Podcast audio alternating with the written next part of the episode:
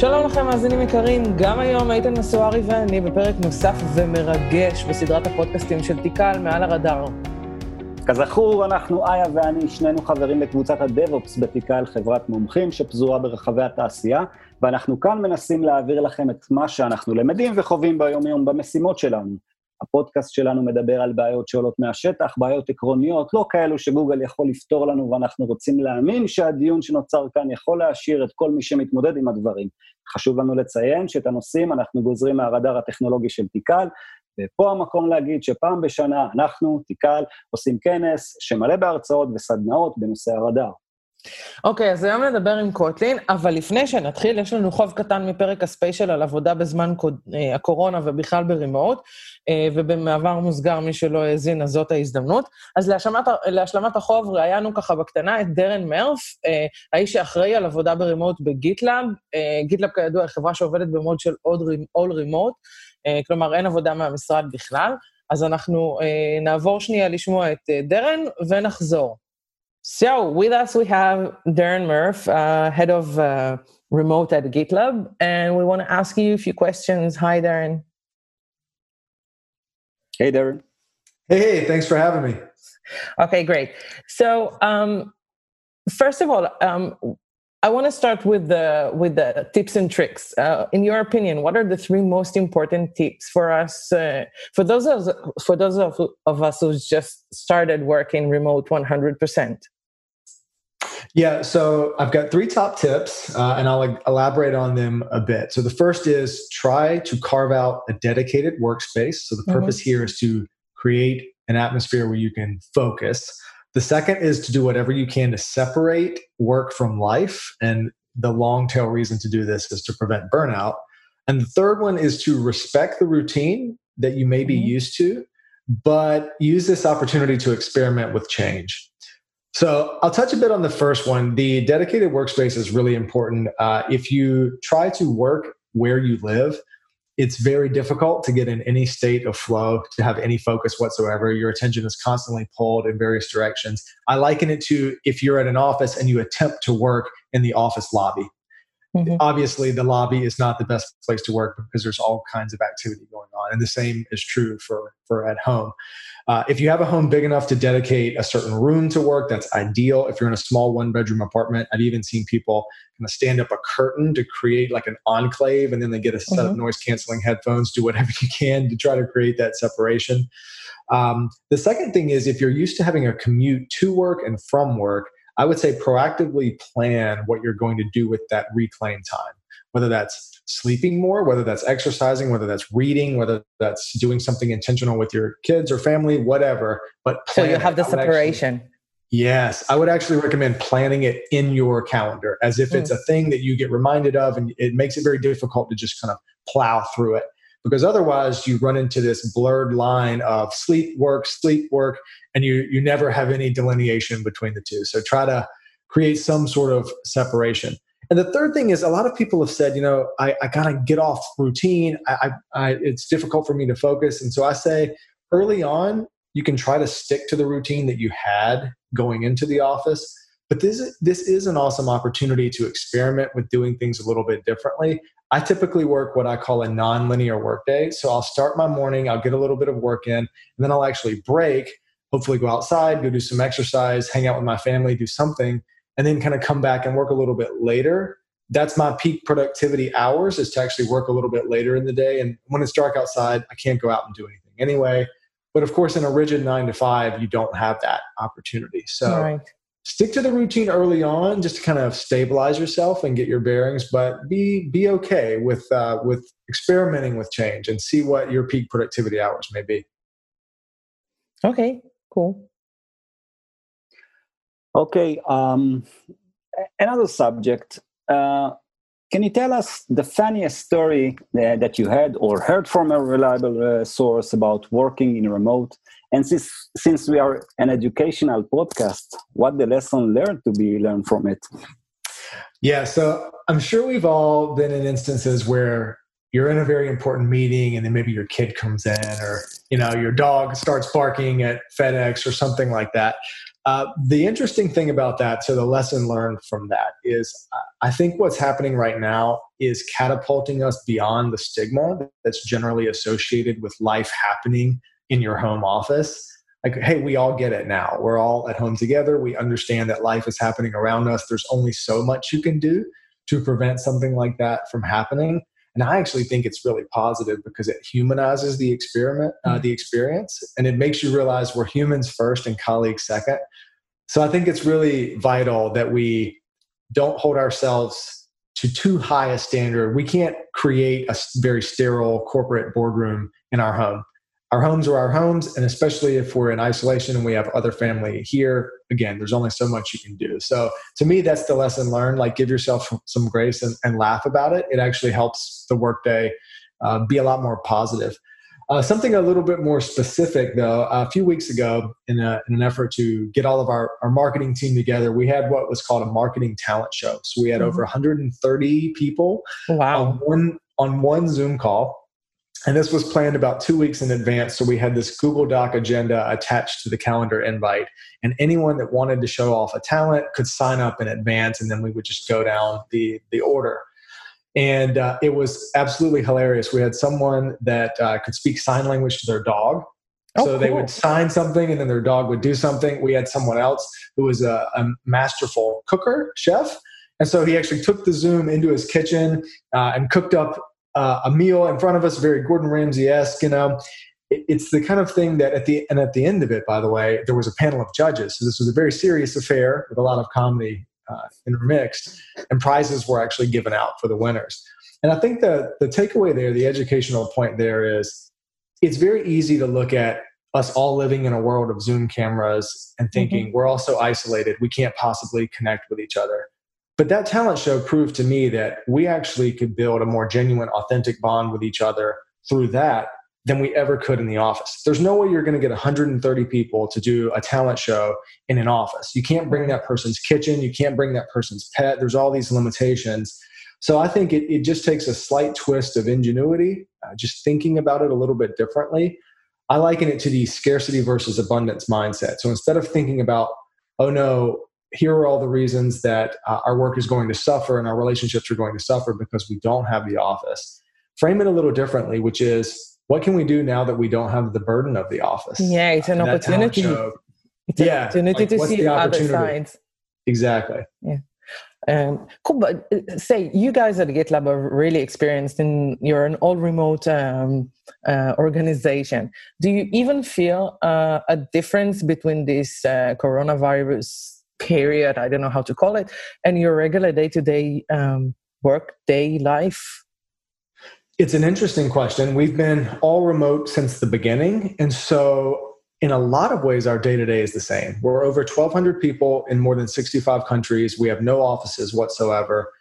So, all of our processes, all of our access, all of our systems, they were all set up for this environment.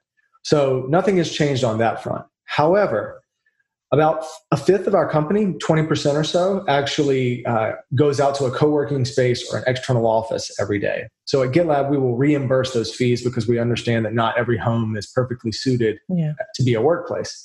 So for that 20% of the company now they're being forced back into their home uh, and oftentimes they have their entire family there and so they're kind of dealing with what the rest of the world is dealing with, which is my ideal workplace is not available, therefore I, I, have to work from home.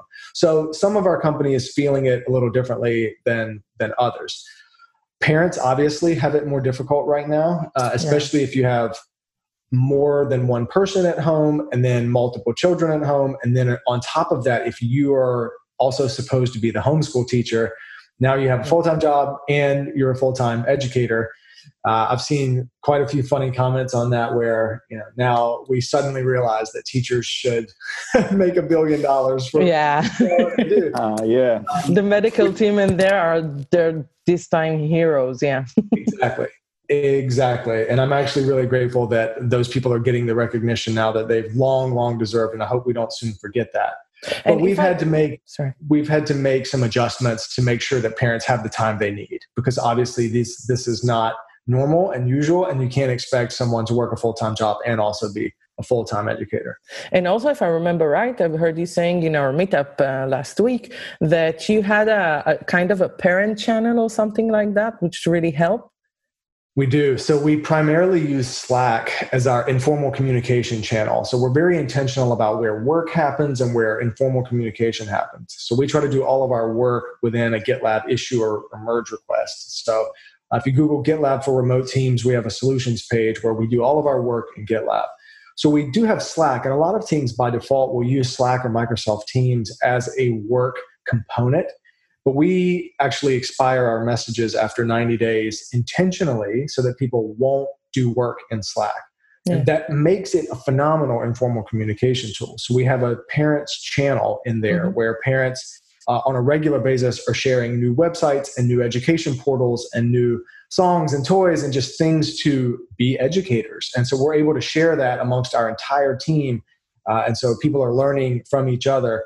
And we've also recognized that you know, kids can kind of get stir crazy. And we thought, well, we all have Zoom cams and we all have different cultural experiences to share. So we set up what we call a juice box channel where parents can grab time with other parents.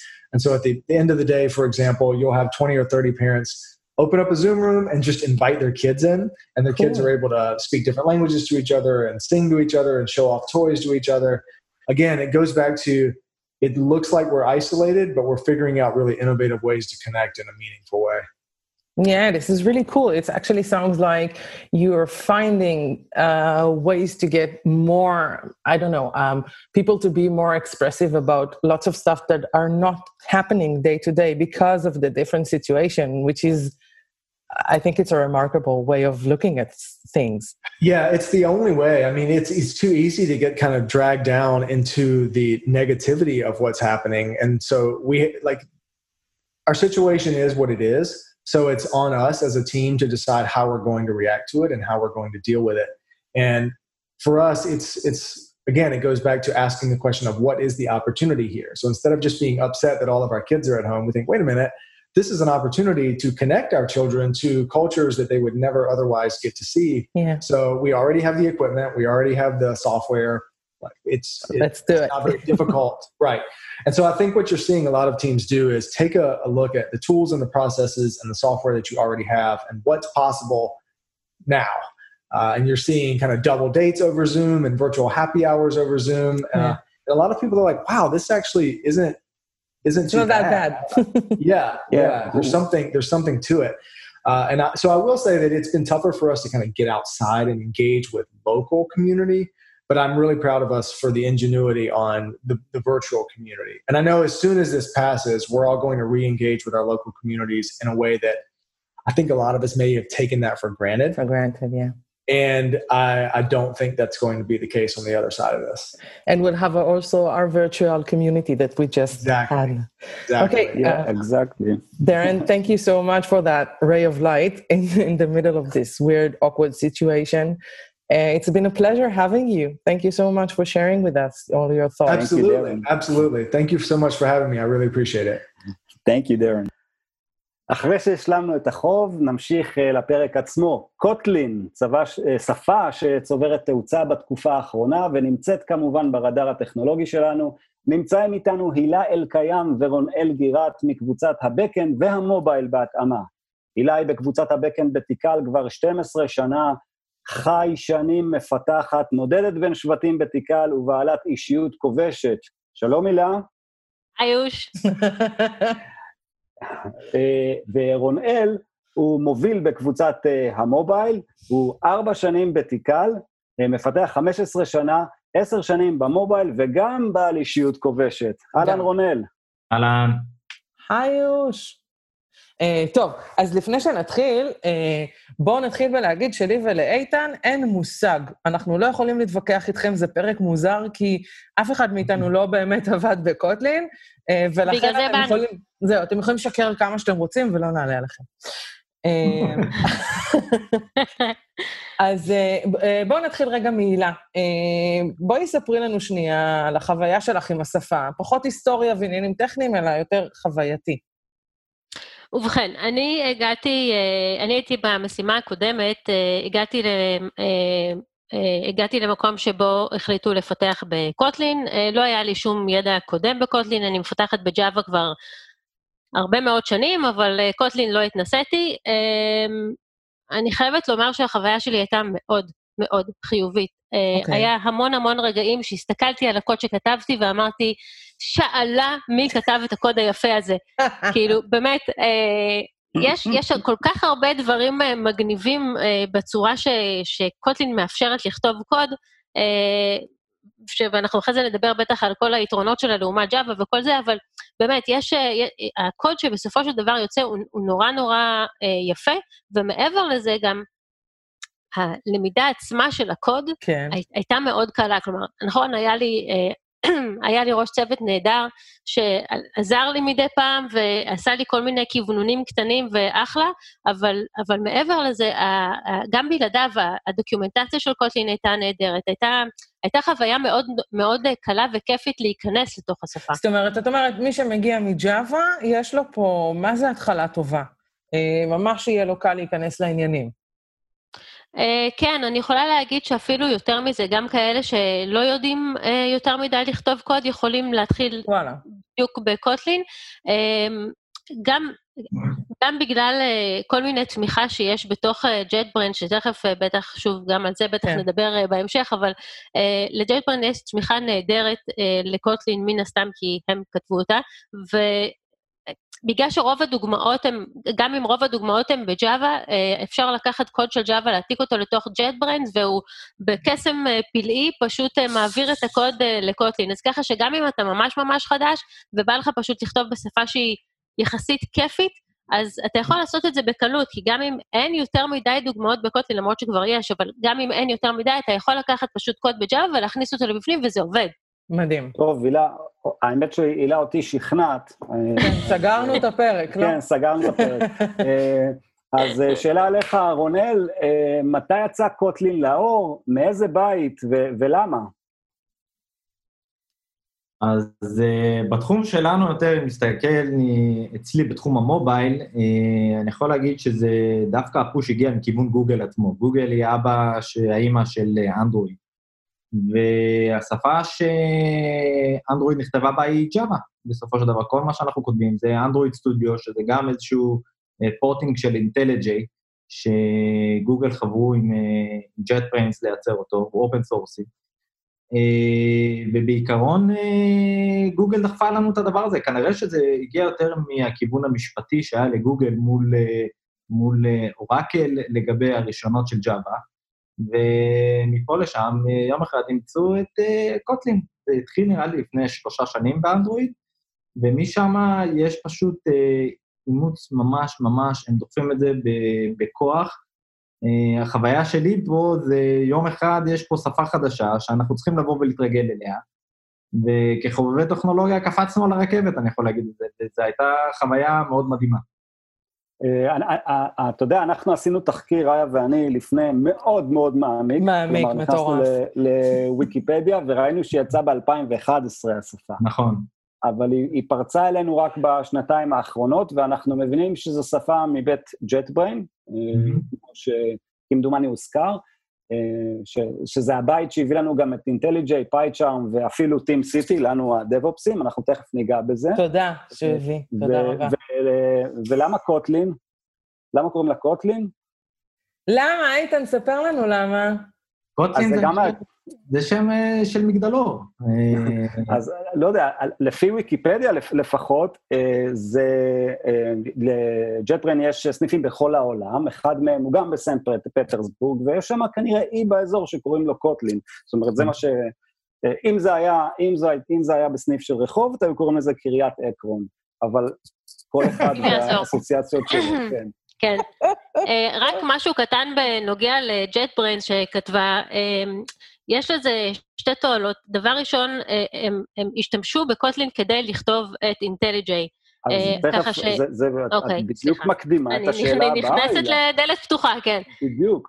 אז, אז באמת אלייך השאלה הבאה, הילה, האם העובדה ש-JetBrains היא חברה שפיתחה את IntelliJ ו-PyCharm, משפיע על, אה, ש, על שימוש בשפה. ובכן, איתן, טוב ששאלת. אה, אה, ברור שכן. אה, כמו שאמרתי, זה, זה הולך משתי הכיוונים. גם בגלל שהם כבר השתמשו בשפה כדי uh, לכתוב גם בין, כל מיני כלים שלהם, אבל בין היתר גם את אינטליג'יי, אז הם כבר השתמשו בשפה, ואני מניחה שתוך כדי הם קרוב לוודאי נתקלו בכל מיני דברים שהיה להם, uh, שהיה להם יותר קל או יותר קשה, והם שיפרו אותה בהתאם לניסיון שלהם, וגם מעבר לזה, חברה שמפותחת על ידי, uh, uh, סליחה, שפה שמפותחת על ידי חברה שמפתחת את, ה, את ה-IDE למקם, ל, ל, uh, למפתחים, יודעת מה מפתחים צריכים ויודעת מה, מפ, מה, מה הם צריכים ואיך יותר יהיה להם קל לעבוד. אז ככה שיש פה שני תועלות משתי כיוונים בעצם העובדה שהם פיתחו את השפה, ובאמת, אני בשוק, אתם לא מפתחים בווים? אז זהו, שלא, וגם באינטליג'יי יש מין, מין קומבינה מגניבה כזאתי, יש את כל הנורות האלה, הצהובות והאדומות, Mm-hmm. יש, יש, זה מין וורנינגים או ארורים, כן. ומה שמגניב באינטליג'יי בכל הקטע של קוטלין, שההצעות שנות, שיש בתוך הבלונים האלה, בתוך הנורות האלה, הן פשוט מעולות. כלומר, mm-hmm. אני אישית, היה לי איזשהו, של, איזשהו שלב שישבתי מול הקוד ואמרתי, אוקיי, אני, אני באמת, אני לא יודעת, כאילו, אם הייתי כותבת את זה בג'אווה, הייתי כותבת את זה ככה, אני לא יודעת כאילו מה לעשות עם זה. ואז היה לי אה, מין אה, אה נורה צהובה שכזאתי, ואמרתי לה, אוקיי, תציעי מה, מה את מציעה, קוטלין היקרה? אה, אה, אה, פשוט עשיתי את מה, ש, מה, ש, מה שהייתה ההצעה הראשונה, וזה פשוט שינה לי את הקוד לצורה Kotlin-ית אשכרה נכונה. כלומר, ההצעות שהן גם נותנות הן ממש טובים. מה אתה אומר, רונל? סליחה? הוא נתן suggestion, אין, אין, אין, אין עוררין על זה ש-IntelliJ יודעת לפתח IDEs, כאילו, כן. אם אני אקח את זה לימים הראשונים שהתחלתי ללמוד בכלל Java, זה היה ב-Eclipse, והיה באמת את IntelliJ, שבה הייתה חלוצה בתחום הזה, זה היה כמו לפתח על מרצדס, נקרא לזה ככה. כן. אז uh, באמת, חברה כזאת מפתחת את ה-IDE הכי טוב בשוק, כן. uh, כיף שהיא פיתחה גם את השפה הזאת. כן, אני מכירה את זה מפייצ'ארם, שהוא גם... Uh, זה כאילו עושה לך פוט מסאז' תוך כדי שאתה עושה קוד, כאילו זה, זה פשוט מדהים. ממש ככה. אוקיי, אז תגידו, זו שאלה קצת לשניכם, אני זוכרת שדיברנו לפני כן, רונן, ושאלתי אותך, אמרתי לך, אחי, תעזור לי, אני לא יודעת כלום. מה זה? איך זה מתקמפל? איזה שפה זה? אז בוא נדבר שנייה על, אה, על המשפחה, לאיזה משפחת שפות Kotlin שייכת, אה, מאיפה היא נולדה, אה, קצת על JVM, איך זה עובד שם וכאלה. אוקיי, okay, אז uh, בעיקרון, Kotlin מתקמפלת, היא באמת שפת JVM. Uh, מן הסתם היא חברה טובה של Java ויכולה לרוץ side by side ל-Java מהסיבה הזאתי. Uh, הקוד בסופו של דבר מתקמפל לאיזשהו bytecode. ניקח את זה בעולם האנדרואיד, זה קצת שונה, כי גם Java עצמה מתקמפלת לבייט קוד של אנדרואיד. בעבר זה היה משהו כמו, משהו שנקרא דלוויק, היום זה נקרא ארט, uh, אבל בסופו של דבר יש קומפיילרים מיוחדים אצלנו באנדרואיד, ש... שמקמפלים את הקוד הג'וואי או את הקוד הקוטליני לבייט קוד של אנדרואיד. ואמרנו אה, שאתם אה, תמיד משתמשים בעיקר במובייל ב-Gradle, נכון? אה, כן, כן, כן. הבילדר שלנו, הבילדר שלנו גריידל, אני חושב שזה גם ה-builder הכי עדכני שיש היום, הוא נותן הרבה יכולות אני, אני... אני רוצה רגע, אני רוצה רגע להוסיף פה משהו. אה, באמת, כאילו, אחד הדברים באמת המגניבים פה זה ש-Java ו-Java ו-Kotlin יכולים אה, לחיות ביחד באותו פרויקט. זאת אומרת, שאם אתה רוצה עכשיו... אה, אם אתה רוצה להתחיל לפתח בקוטלין, אתה לא חייב להתחיל לכתוב את מחדש את כל הקוד שלך, את כל הקוד ג'אווה שלך, אתה פשוט יכול... אלא מעכשיו והלאה אתה מתחיל קוטלין, ואחר כן, כך לך את זה, כן. וקוטלין מתממשקת מגניב עם כל הפרמוורקים של ג'אווה בצורה כן. באמת אה, ממש ממש טובה. כן. איזה עוד שפות יש מהמשפחה הזאת? ככה לסבר את האוזן? יש את סקאלה. אוקיי. סקאלה! אני לא כל כך אוהבת את סקאלה. באמת? אה, אני אגיד קצת אה, פחות.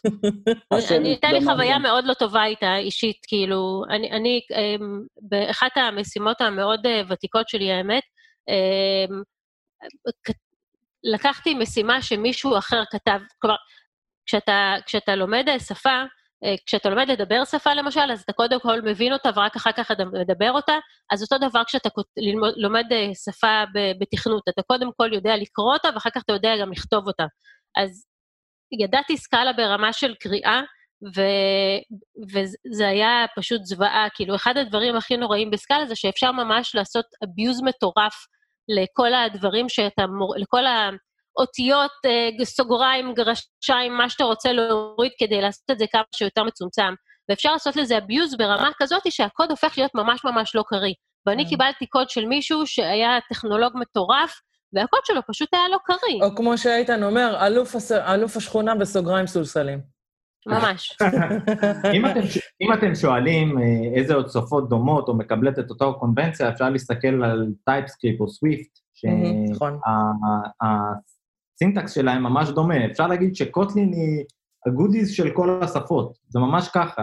אה, לקחו את הטוב מ-JavaScript או מ-TypeScript, לקחו קונבנציות מ-Swift, ובנו באמת פה איזושהי שפה שהיא flexible-ית, נוחה, קריאה, שזה סופר באמת... סופר על. יש לה עוצמות שאין לתאר את זה, באמת. אני זוכרת שהתחלנו לדבר על, אה, אה, שנעשה את הפרק הזה, אנחנו מאחורי הקלעים, יש מלא דברים שקורים וזה, ועשינו קבוצת וואטסאפ, ואז התחלנו, כאילו, אני ואיתן אמרנו, טוב, תגידו, באמא שלכם, אנחנו לא יודעים כלום מה זה, ואז פתאום אני רואה כזה, רונל is typing, רונל is typing, שעה וחצי, ואז פתאום הוא פשוט הקיא לתוך הקבוצה 6 מיליון שורות קוד לזכר השואה. אנחנו כזה, דוד, מה קרה פה? מה עושים עכשיו? ואז אחרי זה הוא עשה אקו, הלו, וורד. ואז הוא אמר, הלמעלה זה Java והלמטה זה Kotlin. ואני חושבת, אני חושבת שזאת הייתה נקודה מדהימה, רונל, זה היה פשוט באמת דרך הכי יפה בעולם לבוא ולהגיד... אני אדבר על זה, אני אדבר על זה, אני אזרוק לך מילה. כן, יאללה, זרוק מילה. נהרוס את הסדר. אז הדוגמה הכי טובה, הדוגמה באמת, שאיך את אומרת, הקאתי לך שמה, זה פשוט הראיתי אה, את אחד היתרונות של השפה. אחד ה-goodies זה data class. data, אם אנחנו מכירים ב...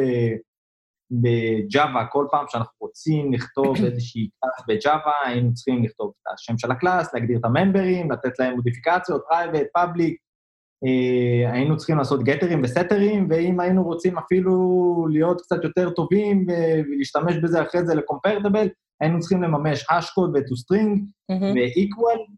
ב-Kotlin אה, יש טיפוס חיה כזאת נחמדה שנקראת Data Class, שזה דבר מדהים. אה, הוא, מממ, הוא כבר מממש את ה-to-string, hashcode ו-equal, אה, ויש לו הרבה הרבה יותר, אה, הרבה יותר כוחות בצורה הזאת שאנחנו לא צריכים להגדיר גטרים וסטרים, הממברים שלו הם כבר מוגדרים ב constructor עצמו, הוא כבר immutable, זאת אומרת, אי אפשר לשנות אותו ב runtime.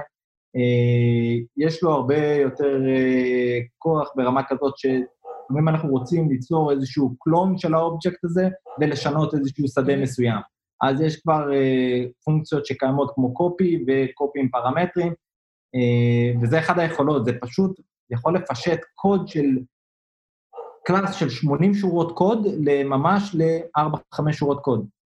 במיוחד כשעושים uh, המרות, uh, כאילו שעושים uh, uh, uh, המרה בין uh, טבלאות לבין uh, אה, לבין אה, משהו שמחזיק את כל הדאטה, את כל הדאטה הזה ש, שנמצא מול, ה, מול הטבלה, אז זה מאוד עוזר. Mm-hmm. למרות שיש כאלה שיגידו שאפשר לעשות את זה גם ב Java עם Lombok, כי Lombok אה, זה איזשהו toolkit שאפשר להוסיף על Java ואז הוא נותן את כל היכולות האלה, אבל, אבל זה ממש לא, לא משתווה. כלומר, Kotlin נותנת כל כך הרבה יותר דברים ובצורה הרבה יותר אה, קלה ופשוטה, ואם מוסיפים Lombok לתוך, אה, לתוך Java למשל, אז, אה, אז יש כל מיני דברים שעלולים להתקלקל בדרך. כלומר, אה, לומבוק עושה כל מיני דברים שעלולים לקלקל את איך שהעץ שנבנה אחרי הקומפילציה בנוי וכל מיני כאלה, וגם יש עניין של הנוטציות שהוא עלול להרוס, אז כלומר, זה, קוטלין נותנת משהו הרבה יותר יפה ו, ומתממשק עם שאר הדברים, ש... לומבוק למשל לא יכול לתת. תראו, אנחנו די, אנחנו די בונים פה כאילו את הנקודות לשאלה הבאה שלנו, שהיא אה, מה נדרש לשפה בכדי שתהפוך להיות פופולרית. ובאמת אנחנו מדברים על נוחות שימוש ועל, אה, אה, נקרא לזה, אני קוראת לזה אלגנטיות, זה נכון להגיד את זה? לגמרי. בתור מישהי שעוד לא יודעת לקרוא Kotlin, זה מרגיש לי שהיא מאוד אלגנטית מהקצת אה, דוגמאות קוד שראיתי.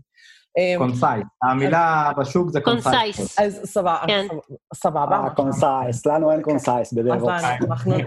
אבל זה גם הרבה מעבר לזה, כלומר, אה, כדי ששפה תהפוך להיות אה, משהו שהרבה אנשים רוצים להשתמש בה, היא צריכה איזושהי תמיכה של הקהילה. כלומר, כן. אם אה, יש אה, קהילה מספיק גדולה שמספיק אנשים משתמשים, אז אתה יודע שגם יהיה לך מספיק דוגמאות, מספיק אנשים שנתקלו נכון. בכל מיני קשיים, נכון. ואחד, הקהילה הזאת היא כבר ממש אה, גדלה ומתפתחת, ומעבר, כאילו, ויש עוד את כל התמיכה של גוגל וכאלה, אז ברגע שיש גם את התמיכה של גוגל, אז ברור שזה הפך את הקהילה להיות אה, יותר גדולה. אה, אבל גם מעבר לזה, בגלל שכמו שאמרתי קודם, יש את כל העניין הזה שאפשר להפוך אה, קוד של ג'אווה לקוד של קוטלין, אז גם אם חסר דוגמאות, אתה תמיד יכול כאילו לקחת אותם מג'אווה ולהפוך אותם בקלות לקוטלין. מהמם. אז זאת אומרת, זאת אומרת, היא צריכה להיות קלה ללימוד, אה, רף משתמשים אה, מספיק גדול, וארגון מספיק גדול, כמו שאמרתם קודם, שמכריז עליה כשפה נבחרת. קצת כמו גו. היי, וואליק. כן. כן. אה, אבל אני רוצה כן להכניס פה עוד איזושהי שאלונת קטנה, כי זה נורא נחמד שעכשיו השפרצנו ניטים על השפה הזאת בכמה עשרות דקות האחרונות. מה, איפה, מה, מה הקאץ'? איפה תפסתם את הראש ואמרתם, מה זה?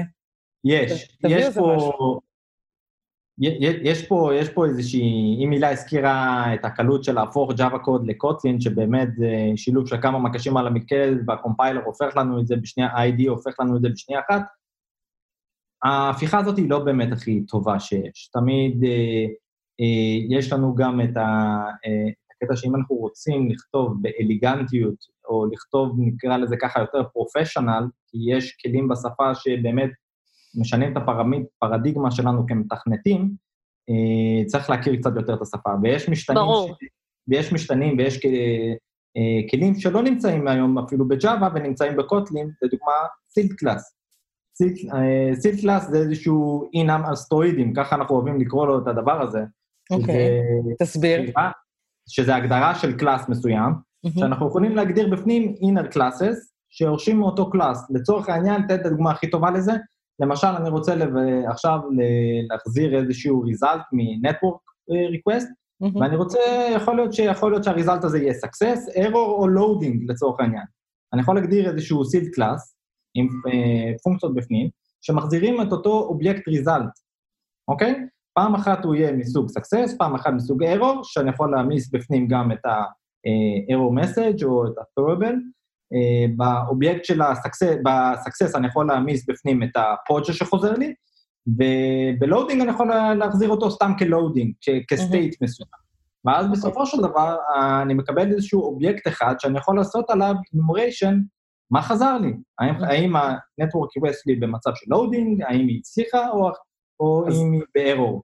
אז תכף אנחנו נרחיב, תכף, אה, זה, זה באמת מה שנשאר לנו, אני לא יודע, מכל מה שאתם אומרים כרגע, אה, אם, אם עולה לי עכשיו איזה פינת דוד של הפודקאסט הזה, זה שבעצם יש לנו שפה שנולדה משפה, מזכיר לי, מזכיר לי את הסיפור 1892, ב- בעיר אנגלית אה, יש רק קבוצת כדורגל אחת, והיא מסתכסכת עם בעל האיצטדיון. אה, בעל האיצטדיון אה, מחליט שהוא לא רוצה שהם יותר ישחקו אצלו, והוא מחליט להקים קבוצה משל עצמו. אז ה- הקבוצה הזאת, הקבוצה הקיימת, אה, קוראים לה, עדיין קוראים לה אברטון, הקבוצה החדשה שנולדה היא קבוצת אה, ליברפול, אה, ובעצם האצטדיון הוא אצטדיון אנפילד והשאר היסטוריה. נשאלת השאלה, או לא נשאלת השאלה, עולה התהייה, האם זה מה שיקרה לקוטלין אה, מתוך ג'אווה, אנחנו עוד לא יודעים. אז בואו נעבור לשאלת השאלות.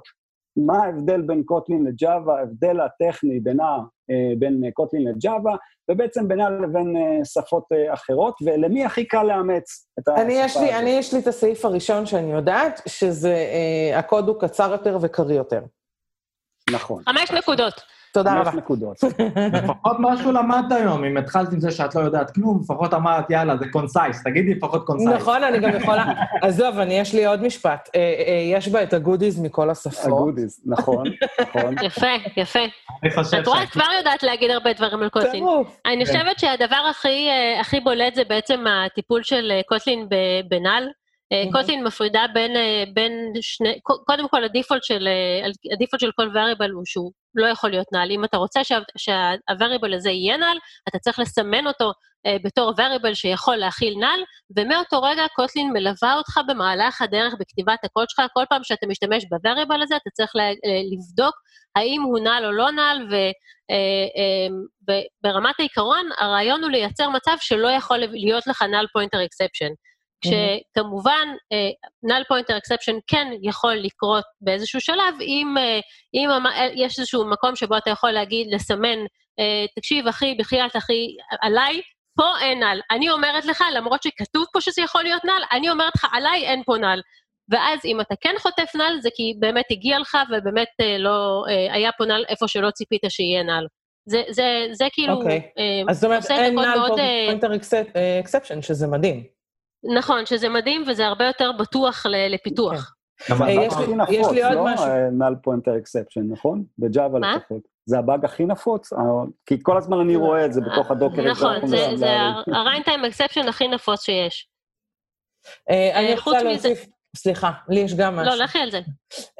דיברנו על זמני קומפילציה, ובאמת הלכנו לאינטרנטים לבדוק, וגילינו שבאמת הקומפילציה היא... יש הוכחות חד משמעיות שהקומפילציה בקוטלין היא הרבה יותר מהירה, אה, שזה חשוב. היא, היא הרבה יותר מהירה ב, ב, כשעושים, אה, אה, כשמשנים רק כמה, רק כמה קבצים, ב, ואז כן. מקמפלים רק אותם, כן. כאילו בבילד נקי, לא בערך אותו דבר.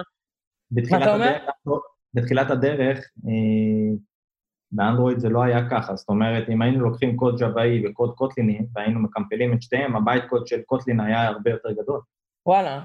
וואלה. כן, יש, בגלל זה דיברנו על זה גם, שצריך להבין את הגודס של השפה, יש בשפה גם inline classes או inline functions, או דבר כזה שנקרא extension functions, שזה האפשרות לבוא ולהרחיב שפה מסוימת. Mm-hmm. אז uh, יש דרכים לעשות את הדברים האלה. אם אני כמו שיש לנו ב-Java, inner classes, אה, גם פה יש מה שנקרא, זה נקרא inline. Mm-hmm. אם אנחנו לא משתמשים בזה נכון, אז זה מייצר לנו extra... compilation ארוך יותר. כן. extra variables, ובסופו של דבר הקוד שלנו נראה הרבה יותר מנופח. אז זה גם משהו ש... אה, ב stage 2 צריך לבוא ומפתח צריך להכיר את כל ה-edge cases. צריך לדעת להשתמש בזה נכון, אחרת אתה פשוט מייצר memory יותר גדול, ואתה משתמש בפיצ'ר לא כמו שצריך, ואת מה שהוא אמור לחסוך אתה בעצם מכפיל במקום לחסוך. ומה עם טרדים? בדיוק. טיפול בטרדים? אז אפשר להגיד שאנחנו קצת נהנים בזה באנדרואיד, בגלל הדחיפה הגדולה של גוגל. JetBrains נקרא לזה קוטלין, מגיעה עם uh, מערכת ניהול טרדים חדשה, uh, נקראת קורוטינס. Coroutines הם המקבילה ל threads של Java. ההגדרה זה lightweight thread. Mm-hmm. Uh, זה כמו callback של Node בעצם. בערך, כן. מנגנון הפעולה שלו הוא באמת כמו ב Node, כמו event looper, שמשתמש ב non blocking thread, והאפשרות שלו היא באמת להחזיק capacity הרבה יותר גבוה, אה, קוד הרבה יותר קריא, קריאה סינכרונית, כמו שאנחנו מכירים מ Node, TypeScript, אה, וכל הנושא, כל הפרדיגמה של async await או coroutine scopes, יש כל כך הרבה דברים שיש בשפה שלא הכרנו בשפות אחרות. אני, לא יצא לי לעבוד עם ה coroutines, אבל אני הבנתי שבגלל שכאילו, אה, אתה, הרעיון הוא שכאילו אתה יכול, אה, שטרדים מנוהלים במקום על ידי ה-Operating System, על ידי היוזר, ואז אתה יכול להצמיד איזשהו, איזשהו coroutine ל thread מסוים, ואתה יכול להגיד, אוקיי, עכשיו אני רוצה שהוא יעצור, ואחרי זה הוא ימשיך על thread אחר. ואז אה, זה דברים שעלולים אחרי זה להפריע כשאתה עושה debugging. אני לא ניסיתי את זה, אבל אני פשוט קראתי על זה בכמה מקומות, שאם אתה מנסה לעשות debugging למשהו שהוא coroutine, ואז הוא, אתה מדבג הרי thread, אה, מסוים, ואז ברגע שאתה מדבג thread אה, מסוים והוא נגמר וזה עובר ל thread אחר, אז אתה בעצם לא יכול להמשיך את הדיבאג שלך והוא קצת הולך לך לאיבוד. שוב, לא ניסיתי, אבל שמעתי שכך. אחד היתרונות של קורוטין זה שכל קורוטין צריכה לרוץ בתור סקור. מה שזה אחרי זה אה, מייתר לנו את הצורך לחפש אה, את הרפרנסים ולשחרר אותם. מה עם אה, טיפול בטריי וקאץ'? איך הם מטופלים בקוטלין? בקוטלין, מה שהם עשו נחמד זה שהם ויתרו על כל העניין של ה-checked exception. מה זה checked exception? זה כל האקספשנים שנתפסים בזמן קומפילציה, למשל כל מיני IO exception שפונקציות זורקות, ואז אתה חייב לטפל בהם. עכשיו, מה שקורה זה שבגלל שאתה חייב לטפל כל הזמן בכל ה-checked exceptions האלה, אז יוצא קוד מאוד מאוד מכוער, שגם מבלבל הרבה פעמים בין הלוגיקה לבין הניהול בניהול של הארורים. וזה יוצא מאוד לא יפה. אז קוטלין אמרו, אוקיי, לא צריך את כל הדבר הזה, זה סתם, סתם מיותר, בואו נוותר עליו, ופשוט אין, אין לחלוטין checked exceptions בקוטלין, זה דבר שפשוט לא קיים. Uh, המטרה היא שבעצם האקספשנים האלה יצופו במידה והם קיימים, ובמידה והיה צריך לקרות אקספשן, הם יצופו במקום uh, יותר גבוה, ששם הם אמורים להיות מטופלים. או שתפתח בלי באגים. גם... כן. לחילופין? כן. אוקיי, רונל, יש לך עוד משהו להוסיף פה ב... בהבדל בין קוטלין לג'אווה, שפות? או בכלל. או בכלל. כן. אם אני אסכם קצת את הנקודה של המובייל, מבחינתנו mm-hmm. גוגל דוחפת את קוטלין במלוא המרץ, באמת במלוא המרץ, ברמה כזאת שהם הצהירו קוטלין פרסט. זאת אומרת, כל הפיתוחים וכל הקומפוננטות החדשות שהם מוציאים, הם אומרים, קודם כל תמיכה ב Kotlin, אחרי זה תמיכה בג'אווה, אם בכלל. מדהים. כן. כן, כן. ממש... זאת אומרת, אתה ממש אומר, מבחינת ה mobile זה זהו, זה, זה סטנדרט, זה industry standard, ו, וליישר קו, חברים, מי שעוד לא שם, יישר קו מיד. אני חושב שגם מפתחים צעירים ישמחו יותר להיכנס ל Kotlin מאשר לג'אווה. את יודעת, גם בג'אווה יש כל כך הרבה שבירת שיניים בניהול הקוד, אם יש מישהו שמעדיף להיכנס לג'אווה מאשר לקוטלין, לגו, לפייתון, אני לא יודעת, לא משנה, לאמהרית, אה, אה, יש איתו בעיה, וצריך לדבר על זה רגע. אנחנו גם צריכים להיות הוגנים, אנחנו גם צריכים להיות הוגנים, לא השווינו לנוד ולפייתון בפודקאסט הזה, אלא לקחנו את האב הקדמון של השפה והשווינו נכון. אליו. אה, אתם רוצים להעיר על זה משהו? לא, אבל אני חושבת שאפשר להגיד שזו שפה... מהדור החדש הזה. כאילו, פייתון, אי אפשר להגיד שהיא הדור החדש, זה פשוט המיקום שלה, אבל היי, hey, Go ועוד כל מיני, יש כל מיני שפות כאלה שהן עכשיו, הן אחרות, הן חדשות, ואנשים עפים עליהן לא סתם. נכון, הן מגניבות יותר, פשוט ככה. אוקיי. אה, Kotlin יש הרבה וריאנטים שלא הזכרנו אותם פה, אה, לא כולם מהתחומים שלנו, אתם יודעים, כמו Kotlin Native, קוטלין פור בקאנד, קוטלין באנדרואיד. יש הרבה שימושים שהם הולכים וממש גדלים עם השפה, השפה הזאת היא הולכת לחלוש כמעט על הכול. כן. כן, נכון. טוב, זה כבר הלינקים של ה... של ה... למטה של המאמר בדרך כלל. כן. uh, טוב, אחלה. אז תשמעו, אני חייבת להגיד שגם במחקר לפרק הזה וגם בשיחה עצמה, uh, הרגשה שלמדתי המון, ולדעתי הנקודה הכי חשובה זה שכאילו, אשכרה נתתם לי חשק כזה... יאללה, פתחי, אבל ב-IDE, לא בווים, אה, פתחי ותנסי, תראי, תראי איך זה עובד לך. אה, לכי על זה וספרי לחברייך. אני, אני אכתוב אפליקציה לחבריי, כן. uh, סבבה, אז דיברנו, למדנו שיש בשורה, uh, יאללה לעבודה, כמו שאומרים. אה, ו- ושוב אני מזכירה, זה נמצא ברדאר הטכנולוגי שלנו, אה, של Tikal, ולא סתם כנראה. אה, וזהו, ותודה. תודה לכם. ביי ביי. ביי. אני רוצה להודות אה, לאיה, שיחד עימי נתנה בקושיות, ולצוות הפודקאסט, חגי פיליפ זגורי ומירון גופר הנהדרים, לאורחים שלנו, הילה ורונאל, לנתי טכנאי הסאונד המופלא שלנו, לענת שעוזרת לנו להפיץ את הבשורה, וכמובן, כמובן, לתיקל, שהיא הבית הטכנולוגי שלנו. ניפגש בפרקים הבאים. תודה רבה, איתן, רונל, הילה, מיליון תודה, היה כיף. my haircut. Ka-ching!